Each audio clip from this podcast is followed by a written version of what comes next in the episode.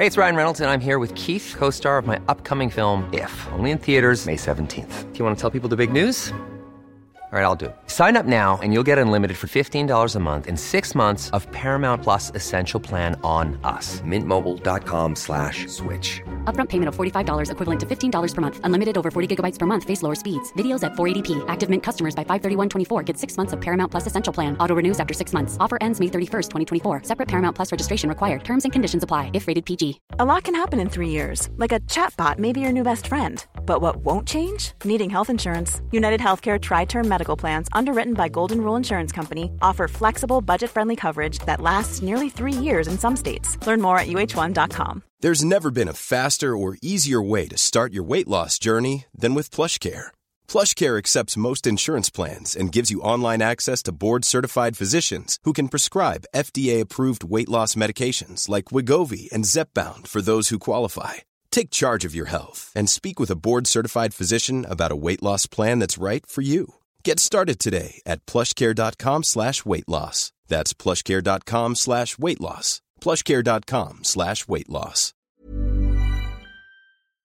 A-kursen sponsras av Akademikernas a-kassa. Det är också Sveriges största a-kassa. Och varför ska man vara med i a-kassan? För att sova bättre om nätterna. För det här är ju någonting som ger en trygghet. Man står inte helt utan pengar om man då skulle bli av med arbetet. Och det är ju jättetråkigt att bli av med jobbet men det blir ju mindre tråkigt om man har safeat upp lite och betalat in 130 kronor i månaden till Akademikernas a-kassa så att man ändå kan få ut upp till 26 400 kronor i månaden. Och om man inte blir av med jobbet så kan man ju vara glad att man bidrar till trygghet för någon annan som förlorar jobbet. Ja, och om man byter jobb då behöver man ju inte heller byta a-kassa just för att det handlar ju inte om exakt vad man sysslar med utan det handlar ju om huruvida man är akademiker eller inte. Och det är vi hela livet. Verkligen, det är vi ju redan som studenter och även studenter är välkomna att bli medlemmar om man har som mål att ta minst 180 högskolepoäng. Så gå in på akademikernasakassa.se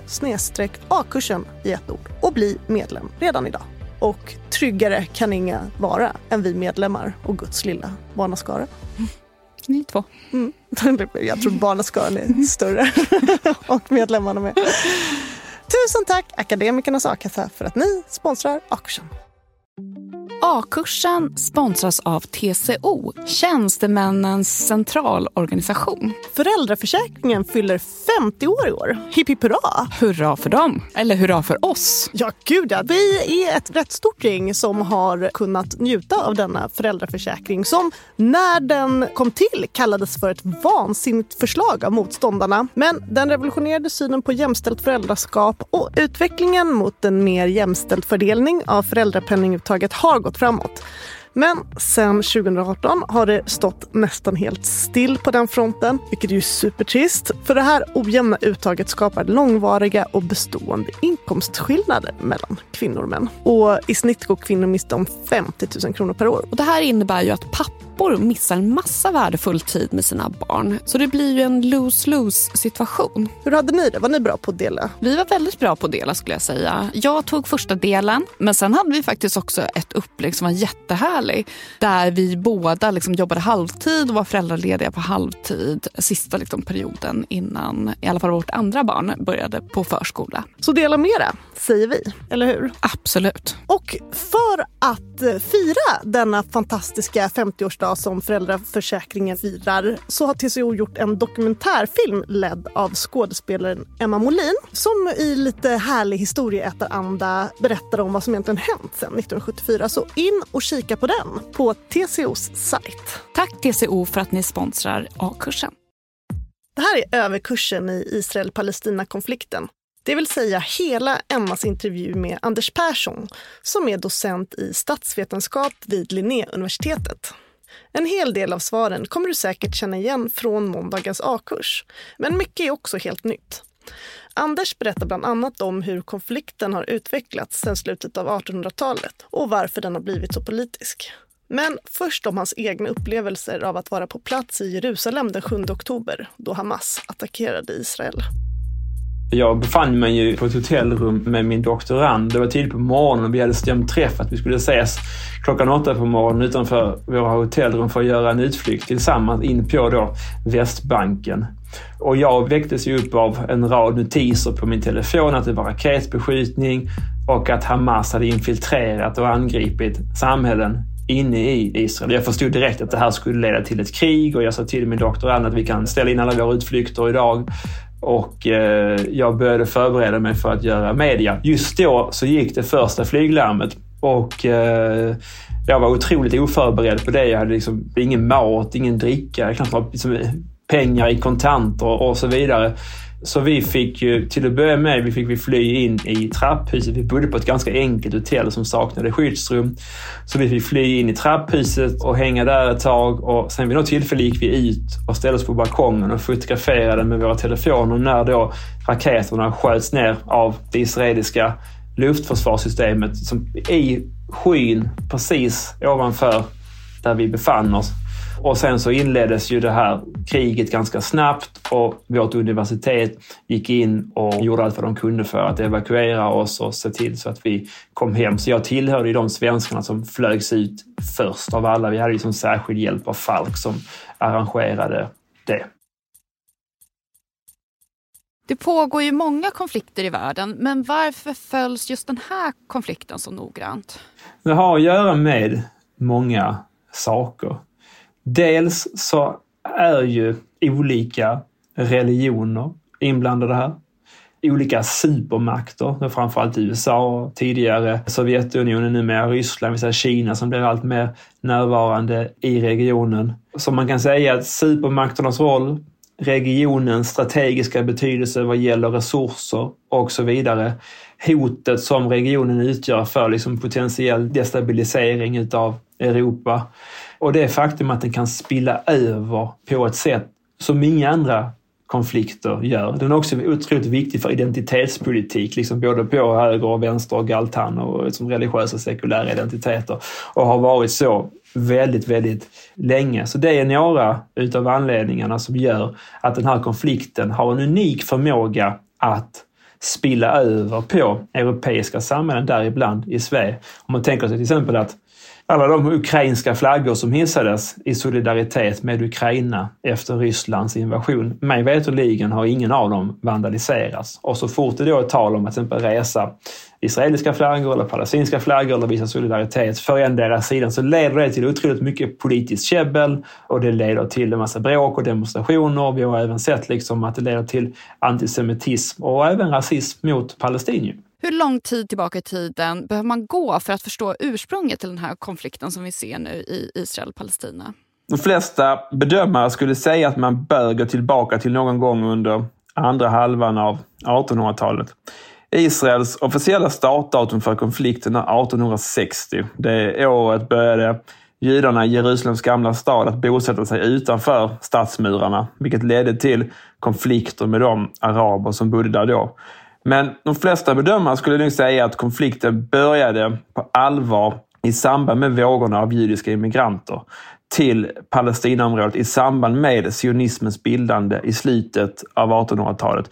Vilket ledde till friktion och konflikter med araberna som bodde där då. Samtidigt ska vi ha klart för oss att det har bott judar kontinuerligt i Palestinaområdet under liksom hela tiden. Tillbaka liksom till Bibelns tid och även såklart långt före det. Men på 1800-talet till följd av antisemitism och nationalism och annat i Europa så blir det ju vågor utav judiska immigranter som kommer dit. Och hur kom då staten Israel till? Ja, alltså Först var det ju en röstning i FNs säkerhetsråd om en delningsplan för Israel där då en majoritet av länderna röstade för. Och sen utropade Israel sin självständighet på våren 1948. Och då var det redan konflikter och krig, det som kallas för 1948 års krig. Det började något år innan och fortsatte något år efter. Men då bildades ju Israel och det är ju tre år efter att andra världskriget tar slut. Och vissa menar ju då att man liksom gav bort ett palestinskt land men det har liksom inte funnits ett land där som har tillhört palestinierna, eller? Nej, alltså det här området, som kallas för Palestinaområdet, har ju haft många olika härskare genom historiens lopp. Det blir en fråga hur långt man ska gå tillbaka, men romarna var ju där och sen så var det Ottomanska riket och innan dess var det Saladin och korsriddarna. Sen var det ju det brittiska imperiet som då hade Palestinaområdet som ett protektorat eller som någon typ av koloni. Och där så lovades, genom det man kallar för Balfourdeklarationen, lovade britterna att man skulle upprätta ett hemland för judarna, inte nödvändigtvis en stat, men ett hemland för judarna där. Så det gav ju också legitimitet till sionisterna som sedermera bildade Israel. Och som du sa, så väldigt många araber i Mellanöstern, framförallt muslimer men även kristna, menar ju att det var orättfärdigt. Dels av britterna att ge det här löftet, och vad i hela fridens namn hade de för rätt att ge sådana löften, menar de. Och sedermera orättfärdigt att erkänna Israel. Och så, så från det perspektivet, som då också delas utav delar av vänster, så kallas det ibland för liksom ett öppet sår från kolonialtiden och så vidare. Sen finns det ju såklart andra bedömare, till exempel liberaler och de allra flesta liksom stater, eller alla stater egentligen skulle jag säga, i väst ser ju Israel som en legitim stat av olika anledningar. För att det är det judiska folkets hemland, på grund av vad som hände under förintelsen och andra skäl. Men var det självklart att eh, judarnas hemland skulle bli på palestinskt område?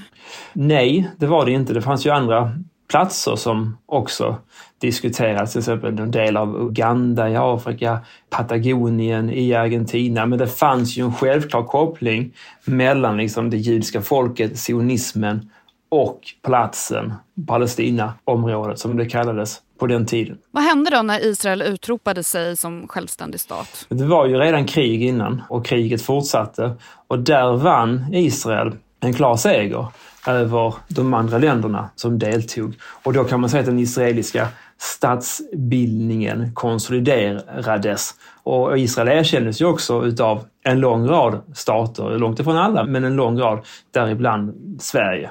Men det var oklart och det har varit oklart allt sedan dess vilka Israels gränser är och Israel har aldrig klart och tydligt definierat dem. Så det råder oklarheter var Israel börjar och slutar någonstans.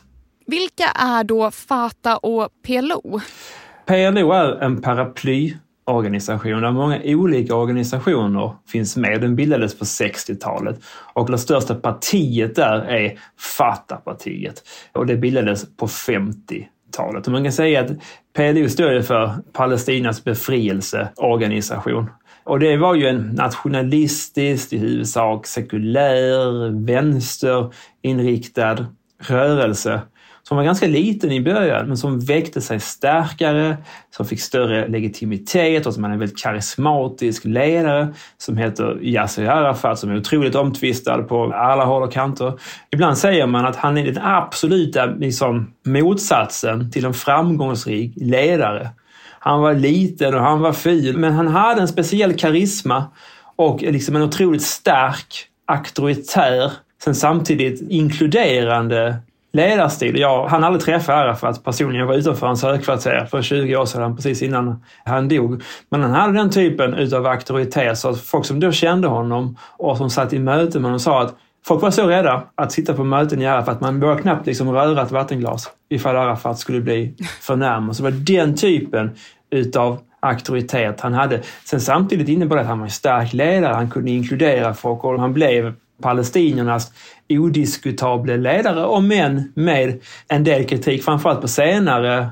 Han dog 2004 och man kan säga att från 80-talet och framåt så växte islamistgrupperna sakta men säkert sig starkare och utmanade också mer och mer hans ledarskap. Så när han dog var han ju kraftigt ifrågasatt och då hade ju Hamas hunnit växa sig väldigt starka. Men han lyckades då på något sätt ena det palestinska folket. Mm. Och när bröt sen sexdagarskriget ut? 1967. Och det är ett otroligt viktigt krig därför att då tredubblar Israel sitt territorium. Och det kallas för sexdagarskriget just därför att Israel vann en väldigt klar militär seger på sex dagar mot då Egypten, Jordanien och Syrien och så var det några andra länder som hjälpte dem liksom med att skicka materiel och personal och sådär. Och det är då som det man kallar för ockupationen började. Här ska vi göra klart för oss dock att många palestinier menar ju att ockupationen började redan 1948 i samband med när Israel bildades. Men så talar man ju inte om det i Sverige. Och vad blev följderna av det här kriget? Enorma följder. Israel blev en regional supermakt. Det man kallar för liksom socialism, nationalism, sekulära idéer deskrediterades på bred front i Mellanöstern. Och istället så började fler och fler ropa att islam är lösningen. Så det hade en enorm effekt för att bereda vägen för både för politisk och militant islamism. Även om det tog lite drygt ett årtionde innan de här idéerna slog igenom på allvar. Och det var efter det här som israelerna började bosätta sig på ockuperad mark. Precis. Och de här bosättningarna, på vilket sätt har de påverkat relationen mellan Israel och Palestina? De har haft en jättestor inverkan därför att bosättningarna byggdes på ockuperad mark av olika anledningar. Dels fanns det militärstrategiska skäl, byggdes liksom på kullar och höjder och sådär för att kunna kontrollera områdena. Dels byggdes det av religiöst signifikanta platser, till exempel vid helgedomar i Hebron och på andra ställen. Och dels byggdes bosättningarna över resurser som strategiska vattenkällor och så vidare. Och huvudprincipen med bosättningarna var att behålla Israels kontroll över området. Så till exempel som EU då, Sverige har ju pekat ut bosättningarna som en av de absolut svåraste frågorna för konflikten just därför att ju större mark bosättningarna tar upp, desto mindre mark blir det för det som EU och Sverige hoppades skulle bli en palestinsk stat. Och sen bröt då oktoberkriget ut. Var det som en reaktion på de här bosättningarna? Nej, det skulle jag inte säga. Kanske delvis på bosättningar som byggdes i Sinai på den tiden och som sedermera avvecklades efter det som kallas för 1973 års krig eller oktoberkriget eller Yom Kippur-kriget. Det var snarare så att de arabiska länderna då, framför allt Syrien och Egypten, ville ta tillbaka militärt de områdena som Israel hade ockuperat. Och det gjorde man, eller man försökte göra det, med ett överraskningsanfall på den heligaste dagen i den judiska kalendern, Yom Kippur. Och det var då 1973, alltså nästan på dagen 50 år före Hamas terrorangrepp på Israel nu. Och det kriget var oerhört signifikant. Det var, man ska säga, både när man kallar för sexdagarskriget eller junikriget som är en mer generisk term och oktoberkriget eller Yom Kippur-kriget. ska man komma ihåg att olika sidorna har olika namn på det här och jag som forskare får liksom navigera mig emellan det här. De här krigen var ju framförallt krig mellan arméer på slagfält. Så de allra flesta som dog var ju soldater. Vilket för så vis gjorde krigen, om man får lov att säga det, mer rena inom situationstecken med få civila överlag som dog i de krigen. Kriget 1973 var otroligt signifikant därför att för det första så hade de arabiska staterna initialt väldigt stora framgångar. Israel togs på sängen, blev chockat och sådär. Liknande effekt som vi såg i det här senaste angreppet. Dock, det här är mycket värre eftersom att det är civila och med gisslantagarna och, och allt det där. Men Oktoberkriget 1973 var också otroligt allvarligt därför att det drog in båda supermakterna. USA på den ena sidan, på Israels sida, dåvarande Sovjetunionen på den egyptiska och den syriska sidan. Och de här två hotade liksom med att potentiellt sätta in kärnvapen. Så det fanns en rädsla att det skulle utveckla sig till ett kärnvapenkrig och så blev det inte det. Men det som det också hände var att den oljeproducerande kartellen OPEC, som då har säte i Mellanöstern, gick ut och fyrdubblade priset. Man minskade sin produktion av olja och man bojkottade också vissa av de länder som stödde Israel. Och det gjorde att priset på olja gick upp. Det var 3 dollar innan kriget. Det gick upp till 12 dollar eftersom fyrdubbling av oljepriset, vilket är enormt på en så kort tid. Så det ledde till det man kallar för oljekrisen. Och det var totalt kaos därför att världsekonomin drevs ju i stora mått på olja. Och då ska vi komma ihåg, vi är 50 år tillbaka i tiden. Vi har ju i huvudsak en ekonomi som är industribaserad då, där olja användes på många håll. Så det detta ledde till oljekrisen, det ledde till en enorm chock för västvärlden, ekonomiskt strul och så vidare. Det ledde ju också samtidigt till att enorma summor pengar transfererades från det man då kallade för den industrialiserade världen till de här länderna i Mellanöstern. Det sätter ju en enorm fart på deras ekonomiska utveckling. Så handeln, till exempel mellan EU, som det hette EG på den tiden, och de oljeproducerande länderna i Mellanöstern gick upp med 1000 procent på 70-talet. Så vi ser liksom ett skifte i världsekonomin där enorma pengar förs över till... Och det här lägger ju i sin tur grunden för till exempel mycket av det välstånd som vi ser i Dubai och i Saudi och på andra håll. Och det knyter ju också Mellanöstern närmare både Europa och USA med handelsförbindelser. Så lite senare så investeras mycket av de här pengarna tillbaka i Europa och i USA, inte minst i vapenhandel. Så det knyter samman ekonomierna här. Det kriget 1973 ledde till sist efter några år till fred mellan Israel och Egypten kallas för Camp David-avtalet och sedermera det israelisk-egyptiska fredsavtalet. Det lyfter också upp statusen för PLO. Så europeiska länder börjar så smått att förhandla med PLO och bjuda in dem till Sverige. Det är någonstans slutet på 70 början på 80-talet. Arafat kommer till Stockholm och får träffa Palme och det leder till en massa ramaskri huruvida det var rätt eller fel att träffa honom och sådär. Men Sverige tillhörde ett av de länderna som gick i bräschen för att legitimera PLO och dess ledare Arafat. Otroligt kontroversiellt och än idag så är det många olika människor som tycker väldigt olika om det här. Alltifrån att det var moraliskt rätt, att det liksom bidrog till fred och det som sedan skulle kallas för Osloavtalet till att det var liksom det mest förkastliga man kunde göra och förhandla liksom med en person som förknippades med terrorism och allt det här. Så det är otroligt kontroversiellt än i våra dagar. Varför tror du att Sverige tog ställning i den frågan? Var det för att Arafat var socialist och att man upplevde någon sorts släktskap? Delvis. delvis. Sverige stödde ju det man på den tiden kallade för befrielserörelser och hade nära förbindelser med ANC i Sydafrika, Palestinafrågan och där kan man säga att stödet för ANC blev ju väldigt lyckat. Medan till exempel Sveriges relationer med Kuba blev mycket mer problematiska och även med palestinierna och PLO. Och idag har ju den frågan blivit närmast toxic.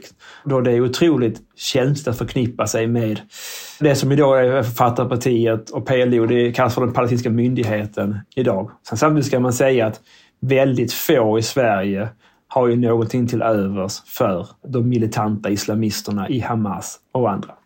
Idag när vi pratar om den pågående konflikten då handlar det ju ändå ganska mycket om religion, islamister, judar. Hur var det på den här tiden? Vilken roll spelade religionen i oktoberkriget?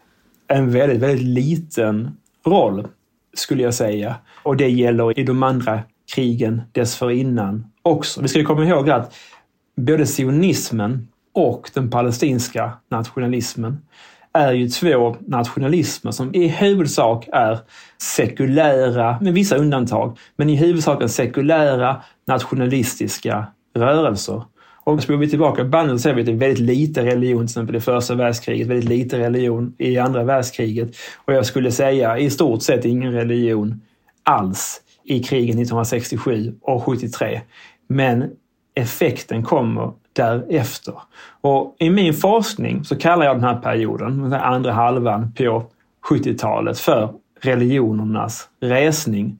Och något som jag tycker är väldigt, väldigt spännande att titta närmare på, just därför att jag inte har svaren på det, men jag tycker att jag har identifierat en stor och viktig forskningsfråga. Därför att på bara några år så upplever alla de tre monoteistiska religionerna, judendomen, kristendomen och islam, snabba uppsving för det man kan kalla antingen för den politiska användningen av religion eller den religiösa användningen av politik. Och vi ska spola tillbaka bandet lite här och säga också att på 60-talet så trodde alla smarta akademiker som sysslade med att studera samhället, alltså sociologer och alla sådana här människor trodde att med moderniteten, alltså den tid vi lever i idag med hög utbildning, hög levnadsstandard, hög urbanisering och, allt det här, så skulle religion fasas ut om vi skulle se tillbaka på religionen, ungefär som vi ser på vikingagudar eller troll eller häxor som gamla historiska vidskepliga saker. Och det blev precis tvärtom. Och just för alla tre religioner. Och sedermera även för buddhismen och hinduismen. Det som då händer är till exempel först om vi tittar på Israel och judendomen bildas det en grupp som heter Gush Emunim som då vill bygga bosättningar. Några år senare kommer Likud-partiet, det man kallar för de nationalreligiösa, till makten 1977 i Israel. Kommer de till makten. Då kastas arbetarpartiet ut helt nya idéer, nya partier, ny ideologi och allt det här. Så det innebar liksom ett uppsving för liksom religion i det israeliska samhället. Och Eh, året efter 1978 anses ju som nyckelåret för kristendomen. En ny påve kommer till makten, Johannes Paulus II, otroligt konservativ i värderingsfrågor. Han hamnar helt snett vad gäller liksom debatten kring den katolska kyrkans övergrepp. Han vägrar att träffa liksom offer och ja, hamnar helt snett här. Han gör viktiga saker för att störta kommunismen i Östeuropa, men han hamnar helt snett här. Och han använder också liksom stora kors och liknande när han talar. Exakt samtidigt börjar de evangelikala i USA, de är i huvudsak protestanter, att växa sig starka. Och sen, idag så är de en av det republikanska partiets största och viktigaste väljarbaser. Det är 1978 då. och 1979 är nyckelåret för politisk och militant islam. Fyra viktiga saker händer för islam då. Det är revolutionen i Iran, första gången som islamister tar makten i ett stort och viktigt land i Mellanöstern i modern tid. Första fredsavtalet mellan Israel och en arabisk stat på våren mellan Israel och Egypten. På hösten så sker det man ibland kallar för en av de första jihad-operationerna i modern tid. Militanta islamister tar över Stora moskén i Mekka, det där Kaban finns där muslimer vallfärdar. En av dem utropar sig till Mahdi, som är en knepig terminologi inom islam, betyder någon typ av Jesusfigur. Han säger att han är frälsare och sådär. Och religiösa muslimer tjafsar om huruvida det finns eller inte finns och så vidare. Men det, det bidrog till liksom ett stort uppsving för militant och, och, politisk islam. Och den sista grejen som händer 79 är att Sovjetunionen invaderar Afghanistan. Och det är då liksom bin Laden, alla de åker hit och sådär. Så de här händelserna är kopplade till varandra och sammantaget så liksom lägger de grunden för det vi idag kallar liksom för modern, både politisk och militant islamism. Jag kan slänga in en grej till också, att Kina börjar öppna upp exakt under den här perioden också. Så det är extremt mycket saker som händer, stora och viktiga händelser. Lite senare i historien ser vi även det här religionernas resning i Indien. Modi som styr Indien idag är ett typiskt exempel på liksom en person som man kallar för nationalreligiös. Både stark nationalist och religiös samtidigt de munkarna i Burma som attackerar den muslimska minoriteten, samma sak. Så det är någon stor och viktig fråga som jag ibland brukar fundera på när inte jag kan sova. Så sitter jag och tänker hur i hela fridens namn hänger allt det här ihop och sen somnar jag gott när jag har funderat ett tag. Har du någon teori eller har du somnat innan du har hunnit formulera någon teori till vad det beror på? Ja, det är svårt, tror jag det är svårt att säga någon metateori som fångar in alltihop och det som gör att det är extra spännande är att det sker så 77, 78, 79 efter varandra. Alltså om man går in och tittar på liksom, okej okay, varför hände den iranska? Ja, den hände på grund av det och det. Men man kan ju se i alla de här processerna att religiösa krafter reagerar ju på det tidigare etablissemanget som man i vissa fall, till exempel då, som i Iran eller i Turkiet, har påtvingat en form av sekularisering på befolkningen. Vad gäller kristendomens fall kan man ju se det kanske som en reaktion på det man kallar för fri sex och 68-rörelsen och vänstervåg. Alltså med ett konservativt svar på utvecklingen som skedde ett årtionde tidigare. Så det är eh, extremt stora och svåra frågor. Det är just därför de är intressanta att ge sig i kast med, tycker jag. Är det under den här perioden som Hamas bildas också? Nej, utan den bildas 1987 i Gaza. Men man kan ju säga att liksom grunden till Hamas läggs någonstans här också. Och Hamas kommer ursprungligen från det muslimska brödraskapet i Egypten, och bildas på 20-talet i Kairo. Men, och deras utveckling går upp och ner. Men 79 är nyckelåret för politisk och militant islam. Och efter det så poppar ju de här militanta islamistgrupperna upp som svampar. Vi har ju till exempel Hezbollah 82, Al-Qaida 87, Hamas 88 och andra grupper som kommer i kölvattnet av det här.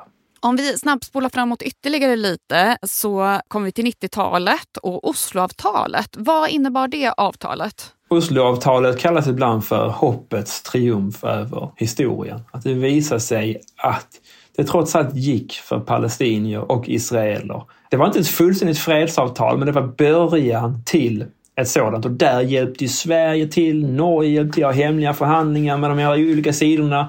Och, och Sverige menade till exempel på att ja, men den tidigare politiken med att legitimera Arafat och bjuda in honom och moderera honom och så ledde fram till det här, så det var någonting bra vi gjorde. Och så såg man ju på det på den tiden. Osloavtalet kallas för det därför att de hemliga förhandlingarna skedde framförallt i Oslo. Där var svenskarna lite förbannade för att det inte skedde i Stockholm. Man, hade haft, man kallade det för en Stockholmskanal innan som man då hade haft ja, men viss framgång och sen så tog norrmännen över och rullade i mål kan man säga. Och det, Såklart att Sverige stödde det absolut helhjärtat men det fanns också en viss förbittring att man inte själv hade kunnat vara med här. Det gav väldigt stor prestige till normen att man hade lyckats med det här. Men i korthet så innebar det att parterna erkände varandra. Alltså, så PLO erkände Israel och Israel erkände PLO, men man erkände inte en palestinsk stat. Så det fanns en asymmetri i det.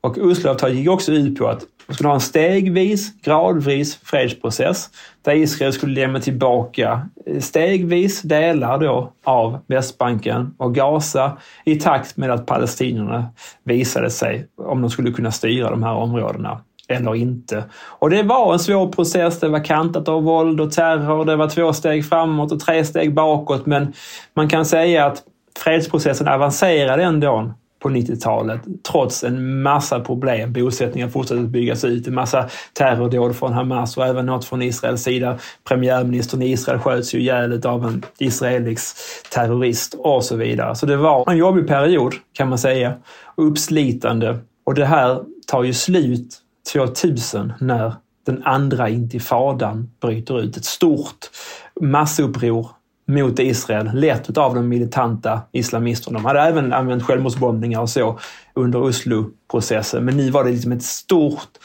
militariserat uppror ledda av Hamas och palestinska islamiska jihad. Då inträffar ju också året efter 11 september-attackerna, så det sätter ju in Israel-Palestina-konflikten, det man kallar för kriget mot terrorismen.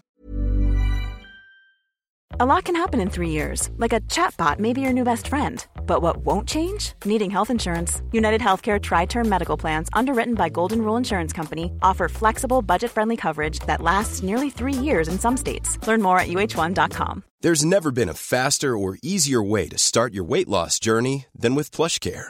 PlushCare accepts most insurance plans and gives you online access to board-certified physicians who can prescribe FDA-approved weight loss medications like Wigovi and Zepbound for those who qualify. Take charge of your health and speak with a board-certified physician about a weight loss plan that's right for you. Get started today at plushcare.com slash weight loss. That's plushcare.com slash weight loss. plushcare.com slash weight loss. Hey, it's Ryan Reynolds, and I'm here with Keith, co star of my upcoming film, If, only in theaters, May 17th. Do you want to tell people the big news? All right, I'll do it. Sign up now and you'll get unlimited for $15 a month in six months of Paramount Plus Essential Plan on us. Mintmobile.com slash switch. Upfront payment of $45 equivalent to $15 per month. Unlimited over 40 gigabytes per month. Face lower speeds. Videos at 480p. Active Mint customers by 531.24 get six months of Paramount Plus Essential Plan. Auto renews after six months. Offer ends May 31st, 2024. Separate Paramount Plus registration required. Terms and conditions apply if rated PG. Och när kom då Hamas till makten i Gaza? Ja, alltså man växte ju sig successivt starkare efter man bildades. Man växte sig starkare på 90-talet, ännu starkare i början av 00-talet. Och sen så har palestinierna fria val 2006. Och det är bland de friaste valen som då dittills någonsin hade hållits i Mellanöstern om man bortser från Israel. Så det var en enorm grej av palestinierna att lyckas hålla fria val under väldigt svåra förutsättningar med uppdelade territorium och pågående ockupation och så vidare. Det var val som då erkändes som fria utav EU och Sverige och alla inblandade. Och Hamas vann. Vilket var en skräll för många och EU och Sverige tänkte, ja, men i hela fridens namn ska vi hantera det här. Och det ledde till att man ställde upp tre stycken krav på Hamas. Man var tvungen till att ta avstånd från våld. Man var tvungen till att respektera ingångna avtal och några andra saker. Och det gjorde inte Hamas. Och därför så startade då EU det man kallar för en icke-kontaktspolicy gentemot Hamas. Man bojkottade rörelsen helt enkelt. Och på samma sätt så skar man ju av sig själv också då från att bli en viktig aktör. Så den svåra frågan, ska man hålla öppna dialoger med den här typen av rörelser, ja då ska man inte göra det. Och det är en massa tjafs kors och tvärs huruvida det ena eller det andra är rätt och huruvida det ena eller det andra är liksom moraliskt eller realpolitiskt riktigt och så vidare. Men man kan ju säga till exempel att när saker som då det här händer, som Hamas angrepp på Israel, ja då har de europeiska länderna svårt att förhandla med Hamas, till exempel med fritagning av europeiska medborgare och så vidare, när man liksom inte har etablerade kontakter på det sättet som man hade haft om man hade bibehållit relationerna. Samma sak gäller liksom med Hizbollah i Libanon och med talibanerna efter att USA lämnade där. Så det är svåra, snåriga politiska frågor att hantera. Men trots det här så erkände ju FNs generalförsamling Palestina 2012. Ja, palestinierna försökte under Obamas tid som president först att få till stånd ett erkännande i, i säkerhetsrådet 2011. Det misslyckades och så gick man tillbaka 2012 till generalförsamlingen. Och där blev, fick, blev man erkänd som en alltså, som icke-medlemsstat, alltså en knepig, eh, knepig terminologi. Eh, och det var eh, en bit över hundra länder som, som erkände Palestina då. Och två år senare så gör Sverige också det. Bland det första som den första Löfven-regeringen gjorde. Och också ganska eller, oväntat. De hade hintat om det i valkampanjen, men det kom lite som en chock. Och det ledde till enormt dåliga relationer med Israel blev en jättestor inrikespolitisk fråga. Det ledde till massor med hat och tjafs som fortfarande pågår. Jag menar, en av sakerna som vi har sett idag efter Hamas angrepp mot Israel är ju huruvida det var rätt eller fel att erkänna en palestinsk stat och så vidare. Det ledde till en enorm hatkampanj mot framförallt då dåvarande utrikesministern Margot Wallström. Har det här inneburit liksom fortsatta spänningar mellan Sverige och Israel? Ja, det gjorde det under många år. Och så är det mer så begravdes stridsyxan när Ann Linde åkte på besök i Israel för några år sedan. Och sedan dess har ju Sverige väldigt goda relationer med Israel. Det har också att göra med att den nya borgerliga regeringen med stöd av Sverigedemokraterna är väldigt, väldigt pro-israeliska. Vi har sett den svängen också i den svenska opinionen, alltså att Israel är en stor och viktig del för det man kan kalla för den nya högern eller högerns väldigt stora uppsving i Sverige som vi har sett under det sista årtiondet. Hur har relationen mellan Israel och Palestina varit sedan Hamas kom till makten? Ja, problematiskt kan man säga och det var det även innan såklart. Och Israel har ju haft svårt att hantera Hamas på olika sätt och en rad krig och andra mindre konfrontationer har ju skett sedan. Ett stort krig 2008-2009, ett stort krig 2014 och nu det här och mindre konfrontationer emellan. Sen samtidigt har ju Israel ändå föredragit att Hamas ska styra Gaza, vilket kan tyckas märkligt. Men eh, så har det varit. Eh, så Israel har ju samarbetat med Qatar för att Qatar ska föra in pengar till Hamas då för att förse regeringen. Alltså Hamas har ju, förutom att man har ungefär 30 000 stridande eller terrorister, så har man ju också många tusen människor som jobbar i ministerium och byråkrater och tjänstepersoner och sådär. Och de människorna har ju fått lön via Qatar. Så Israel har ju liksom hjälpt till där att stötta Hamas regimen, indirekt i alla fall. Och sen samtidigt så har man ju också ständigt varit i strid med Hamas och det kan ju tyckas paradoxalt för människor som inte är experter på den här konflikten. Den här spänningen som finns mellan judar och muslimer i Sverige, som till exempel att många judar inte vågar bära Davidstjärna, går det att härleda det till Israel Palestinakonflikten eller har den något annat ursprung? Ja, det kan man delvis. Alltså, en del av den antisemitism som vi ser i Sverige kommer ju ifrån muslimer och andra med rötter i Mellanöstern. Och en hel del av det är ju dels är det kopplat till antisemitisk propaganda i de här länderna, liksom horribla skolböcker och så vidare. Och delar av det är ju kopplat till den pågående konflikten mellan Israel och grannländerna. Och det är också en grej här som är viktig att säga att många palestinier och andra i Mellanöstern erkänner ju inte Israel som en legitim stat. Och då blir det att man istället för att tala till exempel om Israel och Israel talar man bara om judar. Och det är den typen av stereotypisering som öppnar vägen för rasism och antisemitism. Så vissa kritiker till exempel på högerkanten menar ju att, och det är även till exempel Ulf Kristersson sa det nu också för bara någon vecka sedan, att en del av antisemitismen i Sverige är importerad. från Mellanöstern. Och det är ett jätteproblem att hantera det till exempel i skolorna i Malmö och på andra håll. Och vi ser ju också i datan att de största nivåerna av anmälda antisemitiska hatbrott händer ju i regel när det är krig i Israel-Palestina-konflikten 2008, 2009, 2014. Och det återstår att se var vi kommer att hamna efter det här kriget. Vad var det som hände nu i oktober? Hamas attackerade Israel i ett spektakulärt, antingen man kan kalla det för terrordåd, jag tycker att det är att förminska situationen. Det var ett militärt angrepp på Israel som var ett led i Hamas strävan att förgöra Israel.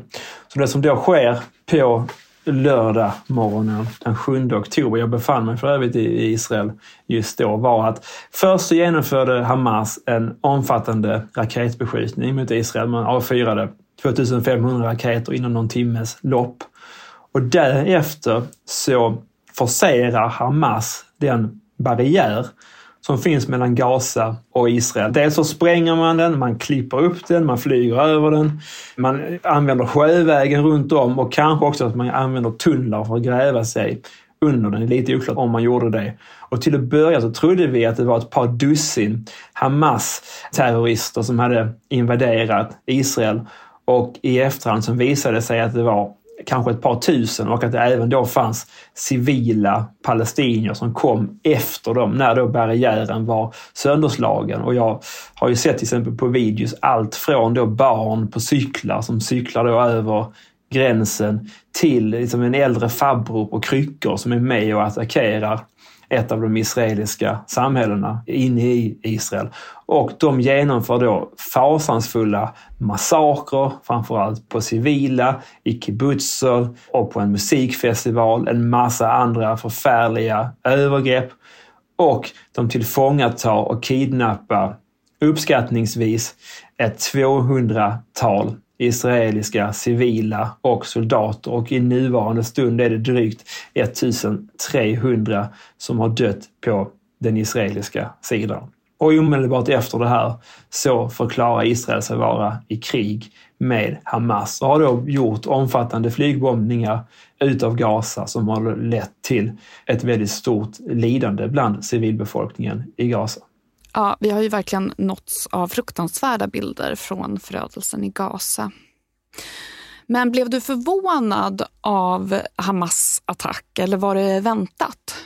Jag blev otroligt förvånad. Detta här är en händelse som man kallar för Israels 11 september som har totalt skakat om hela det politiska och militära landskapet. Inte bara i Israel utan i hela regionen. Detta är ett nytt kapitel för Israel-Palestina-konflikten. Och man kan säga så här att om Hamas hade gjort en procent av det man gjorde, om man hade infiltrerat Israel och begått en terrorattack som hade dödat kanske säga 13 israeler och man hade tillfångatagit två, en procent av det man gjorde, så skulle det i sig ha sett som spektakulärt och liksom maximum vad de flesta bedömare trodde att Hamas var kapabla till. Och det i sig skulle ha räckt för ett krig. Nu gjorde de liksom hundra gånger det som experter menar det var deras maximala de kunde uträtta. Så en total chock för Israel och för andra i regionen också.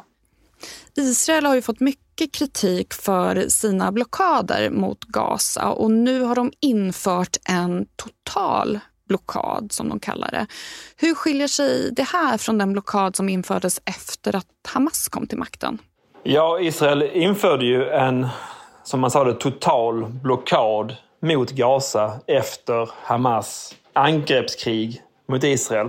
Och ganska snart så visade det ju sig att det inte gick att upprätthålla det och USA och andra krävde ju att Israel skulle lätta på den och släppa in olika typer av förnödenheter. Och så har ju också skett, om än i liten skala långt under Gazas hjälpbehov. Men USA och andra pressar ju på för att det ska ske mer hjälp till Gaza för att lätta på det civila lidandet. Och man kan säga att den blockad som det har gällt sedan 2006 har ju gått lite upp och ner och sett annorlunda ut beroende på den politiska utvecklingen.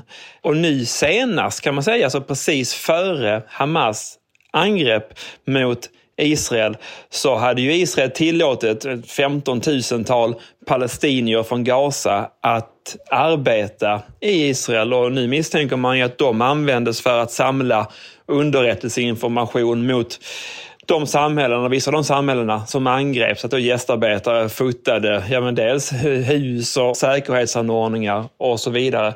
Så den politiken har ju visat sig vara ett stort misslyckande från Israels sida och man kan ju säga att Israels strategi mot Hamas som då gällt sedan 2006 har ju kollapsat totalt med det här kriget som Hamas startade. Vad måste hända för att det ska bli fred i regionen? En bra fråga och faktum är att regionen var väldigt fredlig innan det här kriget, vilket är någonting som nästan ingen vet om. Om man tittar på till exempel data från Uppsala, så här, det finns en känd databas där som listar alla konflikter i världen, alla krig, hur många som dör i krig och så vidare. De kom ut med en rapport nu tidigt i höst över läget 2022. De mäter ju data för ett år sedan så publicerar de rapporten efteråt. Och i den rapporten stod det att världen nu är mer våldsam än på 20-25 år sen folkmordet i Rwanda och att det leds av två särskilt förfärliga krig, Rysslands krig i Ukraina och Etiopiens krig i Tigray-regionen. Och sen skrev lite längre ner i rapporten att ja, Mellanöstern är den fredligaste regionen i hela världen. Vilket får många människor att trilla av stolen. Men det som har hänt i Mellanöstern de sista åren är att vi har haft en lång rad normaliseringsprocesser. Så alla länder har normaliserat med varandra. Israel med fyra arabiska länder, Iran med Saudiarabien och Iran och Förenade Arabemiraten, Turkiet med några länder, Qatar med några länder, den syriska regimen med några länder. Så normalisering kors och tvärs liksom. Palestinierna lämnades utanför det till stor del och var bittra på de här processerna. Och vissa bedömare menar att den här attacken kan ha haft som delsyfte att skälpa de normaliseringssträvanden som var på väg väldigt långt gångna mellan Israel och Saudiarabien. Och det var ju tänkt att det skulle bli Bidens fjäder i hatten inför det kommande valet i USA. Istället för den fjädern i hatten så fick han ett krig i knäet. Och nu då, efter den här attacken och det här nya kriget, har man verkligen satt käppar i hjulen för att det ska bli stabil fred i området? Det ser ju onekligen ut så i nuläget. Sen ska man ju komma ihåg att vi är i ett läge just nu där vi är i början på det här kriget och många olika scenarion är möjliga för framtiden. Om man till exempel jämför med kriget 1973 så var det också, det var blodigt och det var kaosartat och så vidare. Men det ledde ju efter några år fram till att det blev fred mellan Israel och Egypten. Så krig har ju den förmågan att det kastar upp hela kortleken i luften och så får man sitta och vänta och se vart korten landar någonstans innan man kan se vad det är för bild som framkommer. Men till exempel kriget 1973 svepte ju bort hela den liksom politiska och militära ledningen i Israel, gjorde att helt nya partier, politiker och idéer kom till makten och det skapade ett helt annat politiskt samtal. Så krig och konflikter och kriser har ju ofta den förmågan att det skapar helt nya förutsättningar för det politiska samtalet kan man ju säga för covid-pandemin och så vidare. Det låter ju faktiskt hoppfullt. Ja, alltså det är svårt att vara hoppfull när man är mitt under ett krig och det har ju också en speciell dynamik där ingen talar om fred och så vidare. Det kan ju också vara så att en sida besegrar den andra. Det är också ett resultat utav vissa krig när man följer flödet i sociala medier så tycker jag att man slås av hur vitt skilda uppfattningar olika grupper har angående den här konflikten. Är det bara något som pågår i sociala medier eller är det här något som generellt präglar just den här konflikten? Det präglar generellt den här konflikten och det brukar vara så att en delar till exempel politiska partier, ibland Socialdemokraterna till exempel. Göran Persson som var otroligt eh, Israelvänlig och Anna Lindh som var då pro-palestinsk och partiet splittrat däremellan. Vi ser ju en tydlig höger och vänsterkoppling i synen på Israel och Palestina-frågan idag. Men vi ser ju en otrolig polarisering i, kanske inte så mycket i gammeldags media, tv och tidningar, men på sociala medier är den ju väldigt, väldigt stor och har varit så under många år. Och jag tycker att jag kan se en skillnad där. Jag är ju född i början på 80-talet så jag tillhör ju vad man kallar det, kanske den första generationens sociala medier användare. Och jag använder kanske Facebook och Instagram och Twitter och sådär medan mina unga använder TikTok och Snapchat och säkert andra sociala medier som jag inte har så bra koll på. Och jag kan tycka att man ser en skillnad där. Särskilt TikTok har det ju varit en väldigt, väldigt dels råa tongångar och också liksom barn som kommenterar den här konflikten och kan skriva liksom, ja, men taskiga saker kors och tvärs och så vidare. Så jag tycker att det finns en generationsfråga där också vad gäller sociala medier. Så ska jag säga det också att jag spenderade väldigt mycket tid på det som kallas för X nu och som heter Twitter innan, de första dagarna av det här kriget. Därför att jag tyckte att de var snabba med att ladda upp nytt material och videos och uppdateringar. Och bland de kanalerna jag följde, nu har jag ju liksom kanske vissa vägar att söka information och så som man kanske inte har om man är 15 år och sitter i sina föräldrars källare. Men jag måste säga att väldigt mycket av de videos som spreds då i början och som var overifierade sedermera ett antal timmar senare faktagranskades och verifierades av etablerad media. Så jag kunde tycka att i alla fall där och då, så hade Twitter mer rätt än fel, skulle jag säga. De får ju otroligt mycket kritik och berättigade i många avseenden, men det är en väldigt viktig informationskälla, åtminstone för folk som vet hur man ska söka efter information. Om vi pratar lite kort om de här olika narrativen som olika sidor av konflikten har. Vad skulle du säga är det liksom pro-palestinska narrativet? Ja, det finns ju olika lager på lökarna här på de olika narrativen. Det är inga monoliter, någon av dem. Men det pro-palestinska narrativet, alltså då ser man ju Israel som en kolonialmakt. Man ser det som att palestinierna är under ett kolonialt förtryck, att man är under en, en hemsk ockupation och då menar jag också att ja, men vi utsätts för ett kolonialt våld där ingen ser oss, där ingen bryr oss och där ingen bryr sig om våra döda. Och man gör även, liksom, ska man säga, en hudfärgskoppling där och säger att ja, eh, israelerna är i huvudsak vita och de får mycket mer uppmärksamhet och så vidare än vad vi får. Så det är ju väldigt starkt och, och liksom viktimiserande narrativ. Och det gör i sin tur också att det är lättare för palestinierna att koppla ihop sina narrativ med till exempel Black Lives Matters i USA. Och man kan säga att det finns en intersektionalitet emellan dem. Och intersektionalitet betyder att olika grupper som känner sig förtryckta kämpar mot någon typ av samma mål och så vidare. Och på samma sätt, om man tittar på det israeliska narrativet, återigen, det är inget monolitiskt, men där ser man ju sig också själv som offer. Så det är två väldigt starka offernarrativ som står mot varandra. Israelerna säger, ja men nu har vi utsatts för ren ondska. Det är liksom den värsta massakern som begåtts på det judiska folket sedan förintelsen.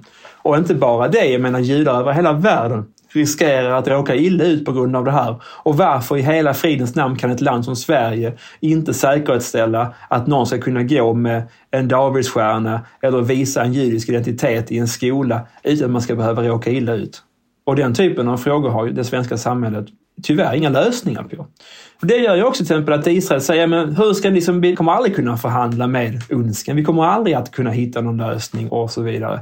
Så det gör ju att i nuläget ser det ju väldigt, väldigt svårt ut att hitta någon typ av fred här. Sen kan det ju vara så, vi vet ju om att många konflikter till sist löses på något sätt, antingen via militära medel eller via förhandlingar. För dig då som är expert, i och med att den här frågan är så infekterad och det finns de här liksom narrativen som står emot varandra. Är det svårt att på något sätt komma till sanningen när man undersöker de här frågorna? Eller att hålla sig neutral som en sorts saklig expert på området? Ja, men det ställer ju en rad utmaningar. Och jag har sysslat med det här sedan jag var 12 år gammal och jag visste redan när jag var barn liksom, att detta här kommer inte bli en popularitetstävling. Liksom. Det är inte därför jag är engagerad här. Jag själv använder inte termer som neutral eller opartisk eller objektiv. Jag tror inte att man ska göra det i samhällsvetenskapen därför att de flesta skulle säga att det går inte att skilja en forskare från ett forskningsämne kan man ju säga till exempel att de flesta EU-forskare är positiva till EU. Nu har de svårt att hantera Brexit, för det kommer alltså som en överraskning för dem. De flesta som forskar om feminism är antingen positiva till feminism eller feminister själva. kan man ju hamna i en spänning mellan att man är forskare och aktivist. Och alla forskare, oavsett ämne, tenderar att övervärdera sina ämnen. Man kan ju inte skicka in en forskningsansökan och säga att detta här är oviktigt, men ge mig en massa pengar. Utan man måste ju som forskare säga att detta här jag gör är jätteviktigt. Och det är så viktigt så att det står över alla möjliga andra saker. Jag är ju såklart formad av allting som har präglat mitt liv. Från min födsel till min uppväxt, till min utbildning, till liksom misslyckade Tinder-dejter. Precis allting i mitt liv har påverkat mig till den jag är. Och hade jag fötts i ett flyktingläger i Gaza eller i en israelisk bosättning eller i Ryssland eller i Kina så hade jag säkert sett världen annorlunda än vad jag gör idag. Min roll som forskare, till exempel när jag är med i media och så vidare, är att svara så sanningsenligt som möjligt på de frågor jag får och i den mån det går backa upp mina svar med aktuell data, med aktuell forskning eller med referenser på annat håll. Och det finns ju liksom ingenting egentligen som är objektivt där på något sätt. Jag menar, det finns ju oftast liksom en kontext där man väljer att liksom rama in ett ämne i. Frågor kan vara värdeladdade på olika sätt. Och man säger ju ofta liksom att alla har en agenda. Och det tror jag gäller även forskare. Jag har aldrig träffat en forskare som är ett vitt papper. Vita papper finns bara i skrivaren, brukar jag säga till mina studenter. Och när de kommer ut så är de färgade. Och samma sak gäller med alla människor som lever och växer upp. Tack Anders Persson för att du vill vara med i vår podd och tack för att just du har lyssnat. Hoppas vi hörs igen om en vecka då jag, Klara Wallin och Emma Frans är tillbaka med en ny A-kurs och överkurs. Halloween kommer det handla om då. Och det här avsnittet har vi spelat in på Beppo.